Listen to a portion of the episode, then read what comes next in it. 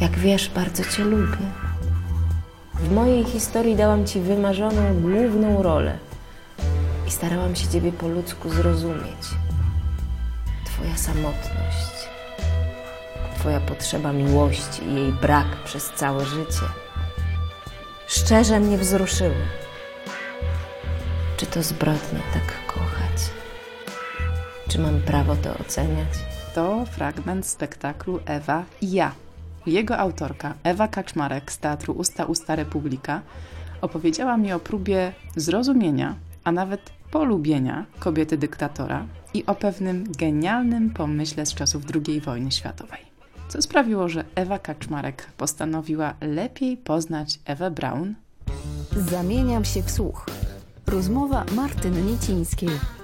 Zaprasza kulturałpodstaw.pl Często nam się wydaje, że żyjemy w takim miejscu, w którym nie ma aż tak wielu tajemnic do, do odkrycia, a tymczasem właśnie wystarczy ostatnich 100 lat i te mm -hmm. historie i te postaci, one się, się mnożą, są bardzo ciekawe i co często powtarzam, one też y, pozwalają z takiej właśnie bezpiecznej perspektywy przyglądać się pewnym zjawiskom, bo ja staram się na tej historii y, zamierzchłej nie poprzestawać i, i nie wskrzeszam przeszłości dla samej przeszłości, tylko dlatego, że wydaje mi się, że pewne zjawiska są powtarzalne, pewne rzeczy pozwalają jakby zaobserwować e, ich nurt i specyfikę i ta historia w pewnym sensie wydaje się być takim ciekawym e, i bezpiecznym przyczynkiem e, do rozważań. I tak właśnie było w przypadku historii Ewa i ja i tego spektaklu, który został zainspirowany reportażem Piotra Bojarskiego, dziennikarza tutaj poznańskiego, który, którego też ta historia fascynuje i który napisał taką książkę Poznaniacy przeciwko swastyce, gdzie ta historia Ewy Braun i Ewy Braun hmm. została opisana. Polskiej i niemieckiej. Polskiej I zajęła się nią nasza poznańska Ewa. Tak, w sumie tak, bo, bo w tej historii Ewy pojawiają się aż trzy. Wiele osób pamięta czy kojarzy nazwisko Ewy Braun, oczywiście tej, która urodziła się w Monachium i tej, która nieszczęśliwie związała się z Hitlerem.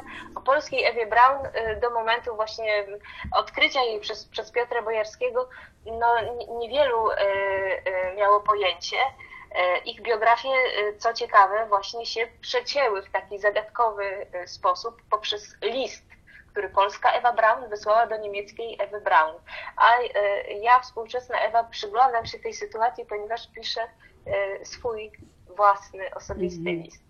I ta historia, ona, ona jest e, o kobietach, które czasami skazywane są na milczenie, czasami z własnego wyboru, czasami poprzez szkodliwe, moim zdaniem, działanie innych a później ponoszą za to jakiś rodzaj e, odpowiedzialności. Tak właśnie było z tą niemiecką Ewą Braun, która dla mnie jest postacią dosyć tragiczną, bo to dosyć smutne być znanym tylko wyłącznie i wyłącznie z faktu, że było się czyjąś kobietą, tak? że tak. było się z kimś związanym.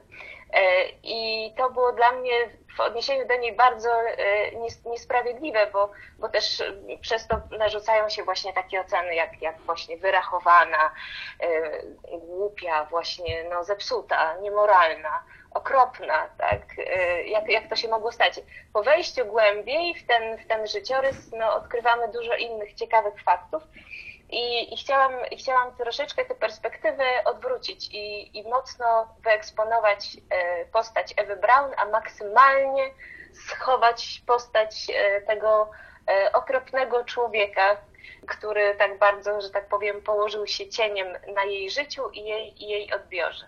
Także zaczęłam mhm. się interesować historią Ewy Braun, Właśnie. ponieważ ta polska Ewa Braun napisała do niej list w bardzo konkretnej sprawie. To był lipiec 1943 roku, kiedy się, kiedy się okazało, że jej e, ojciec, ojciec polskiej Ewy Braun, Augustyn Braun, mm, on został e, oskarżony o działalność konspiracyjną, zgodnie zresztą z prawdą, i, i został skazany na śmierć. I rodzina wpadła na pomysł, moim zdaniem absolutnie zaskakujący jakiś taki Genialny no, też. Genialny marketingowo, tak, że, że wykorzystają fakt, że e, córka Augustyna nazywa się tak samo jak e, kochanka Hitlera.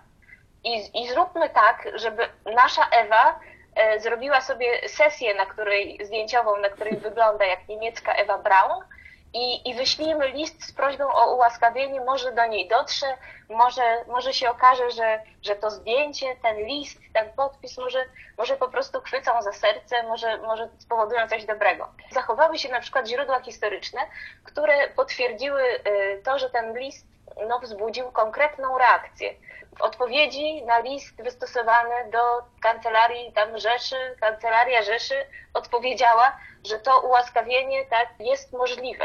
Mhm. Nagle się okazało, że ten list zaniesiony do Greisera pokonał jakąś drogę na jakieś magiczne biurko, a być może właśnie do Berghofu, tam gdzie Ewa Braun się wtedy znajdowała. I kto wie, może go przeczytała. No w każdym razie coś się takiego wydarzyło, że ten e, ojciec został ułaskawiony. I czy właśnie dzięki zasłudze Ewy Braun, Hmm. ja bym tak wolała myśleć. Bo to by ją zrehabilitowało trochę w Twoich oczach i nie tylko, To- prawda? to by ją zrehabilitowało, ale to też by pokazywało, że możliwość pozytywnego wpływu na historię zawsze nam jest w jakiś sposób dana.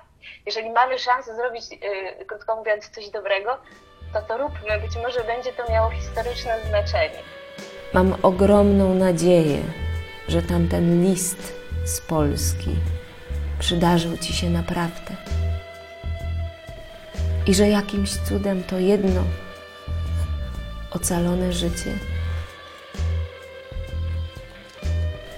stanowi twój świadomy, szlachetny wkład w tamtą mroczną, spotworniałą rzeczywistość.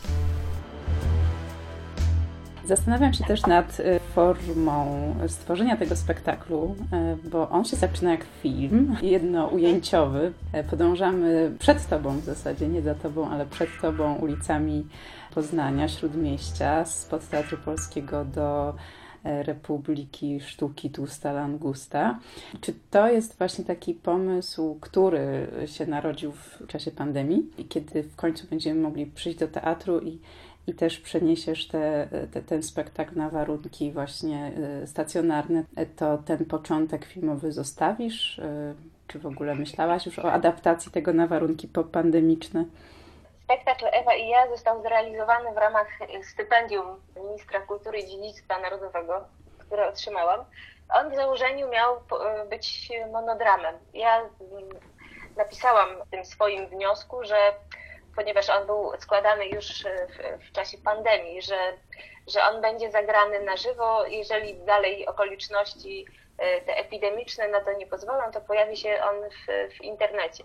I wtedy na poziomie, że tak powiem, ym, no właśnie wniosku czy pisania, to było taką łatwą decyzją, tak, Mhm. że to jest albo, albo, ale to są chyba dwie różne zupełnie e, e, sfery, to znaczy teatr w teatrze, Mhm. tak, i, te, i teatr e, w sieci. Wydaje mi się, że w tym drugim przypadku trzeba szukać troszkę innej drogi dotarcia do widza, troszkę sobie bardziej wyobrazić jego sytuację odbiorczą.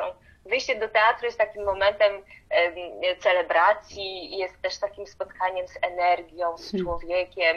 To jest taki rodzaj no, współuczestnictwa. Tutaj ten teatr w sieci, on konkuruje no, z, z wieloma rzeczami, które, które tak jak filmy czy seriale już są jakoś wyprodukowane.